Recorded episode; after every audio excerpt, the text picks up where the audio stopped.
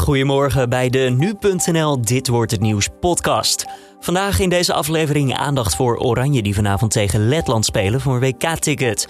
En wie wint de Nobelprijs voor de Vrede? Ook de Wijkertunnel bij Beverwijk gaat dicht voor vrachtverkeer. Dat er zo allemaal. Eerst eventjes kort het nieuws van nu. Mijn naam is Julian Dom. Het is vandaag vrijdag 8 oktober. Het lijkt er niet op alsof de coronapas begin november wordt geschrapt. Dat schrijft de Telegraaf. Als de druk op de zorg niet verder zakt, dan zal het kabinet nog niet durven om de QR-code weg te laten. Dat zeggen bronnen tegen de krant.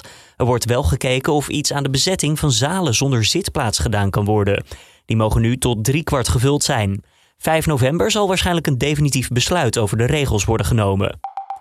Rechters hadden meer moeten doen voor de burgers getroffen door de toeslagenaffaire. Dat blijkt uit een kritisch rapport waar het AD over schrijft. En niet onbelangrijk, dat rapport is opgesteld door de beroepsgroep zelf, dus door rechters. Er zou sprake zijn geweest van juridische tunnelvisie.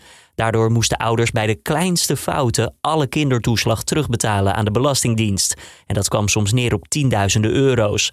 Meer dan 35.000 ouders kwamen daardoor in financiële problemen. Mogelijk heb je het al gezien, hele dichte mist deze ochtend. Voorzichtig dus als je de weg op gaat. KNMI heeft ook code geel afgegeven voor het hele land. Het zicht is op veel plaatsen minder dan 100 meter en soms zelfs minder dan 50 meter. Halverwege de ochtend zal de mist langzaam verdwijnen.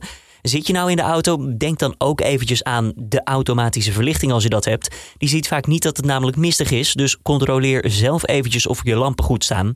En dan die mistlampen, ja, wanneer mogen die eigenlijk aan? Nou, voor als je minder dan 200 meter zicht hebt en achter bij minder dan 50 meter. Nou, als je op de snelweg rijdt en je ziet geen vijf strepen voor je, dan is het zicht vaak minder dan 50 meter.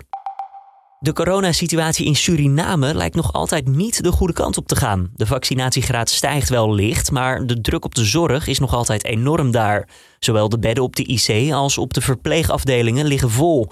Ook is het medisch personeel aan het eind van hun Latijn. Wel is inmiddels de top van de vierde coronapiek in het land bereikt. Toch blijft het percentage besmettingen onder afgenomen tests rond de 40% schommelen. En pas als dat lager is dan 10% is er volgens Wereldgezondheidsorganisatie WHO sprake van een normale situatie. Tien personen zijn gewond geraakt bij een botsing van een Amerikaanse nucleaire onderzeeër. Het gebeurde dit weekend in de Zuid-Chinese Zee. Niemand is in levensgevaar en ook het nucleaire gedeelte zou niet beschadigd zijn geraakt. Waarmee de onderzeeër in botsing kwam is onduidelijk. En dan kijken we eventjes naar de nieuwsagenda voor deze vrijdag, de 8e van oktober. Ja, Oranje speelt vanavond weer een WK-kwalificatiewedstrijd. De Leeuwen nemen het daarin op tegen Letland. En voor het eerst in bijna twee jaar tijd zijn er ook weer uitsupporters bij aanwezig. Die wedstrijd wordt gespeeld ook in Letland en ja, zo'n 400 supporters reizen mee die kant op.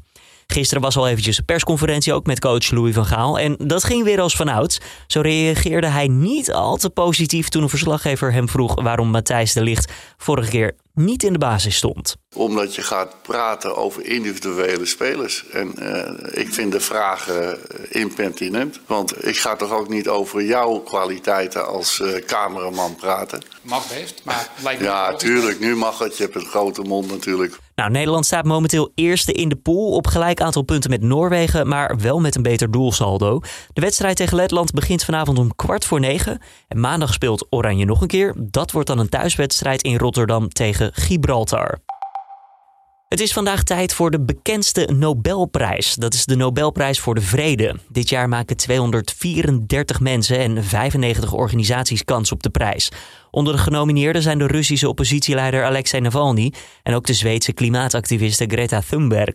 Ook de Wereldgezondheidsorganisatie, oftewel de WHO, en de Black Lives Matter beweging maken kans.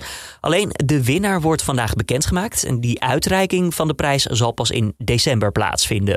In het verleden is trouwens wel vaker kritiek geweest op de keuze van de winnaars. Zo won Henry Kissinger bijvoorbeeld de prijs in 1973, maar hij was echter ook verantwoordelijk voor bombardementen op Cambodja.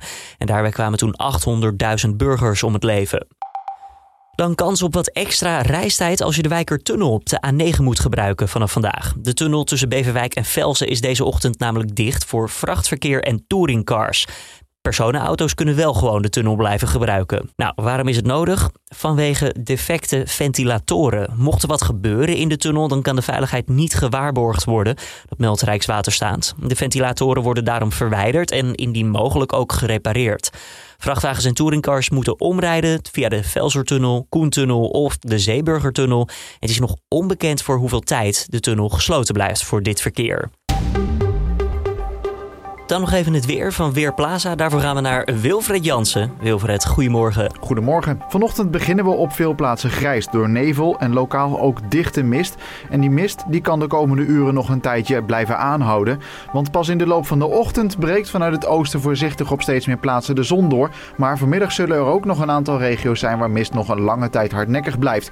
Daardoor hebben we een tijd lang grote verschillen in ons land. Want daar waar de zon schijnt loopt de temperatuur snel op. Maar in de mist blijft het aan de koude kant. Mocht het vanmiddag zelfs mistig blijven, wordt het op de mistige plaatsen niet warmer dan 10 tot 12 graden. Waar de zon schijnt, kan het 17 of 18 graden worden. Dankjewel Wilfred Jansen van Weerplaza. En dit was hem dan weer, de Dit Wordt Het Nieuws podcast van deze vrijdag. Ik wens je alvast een goed weekend en bedankt voor het luisteren natuurlijk zoals altijd. Deel ook even de podcast met je vrienden, vriendinnen. Laat een reactie achter in je favoriete podcast app. Daarmee help je anderen namelijk ons weer makkelijker te vinden. Voor nu dus nogmaals een goed weekend en tot volgende week weer.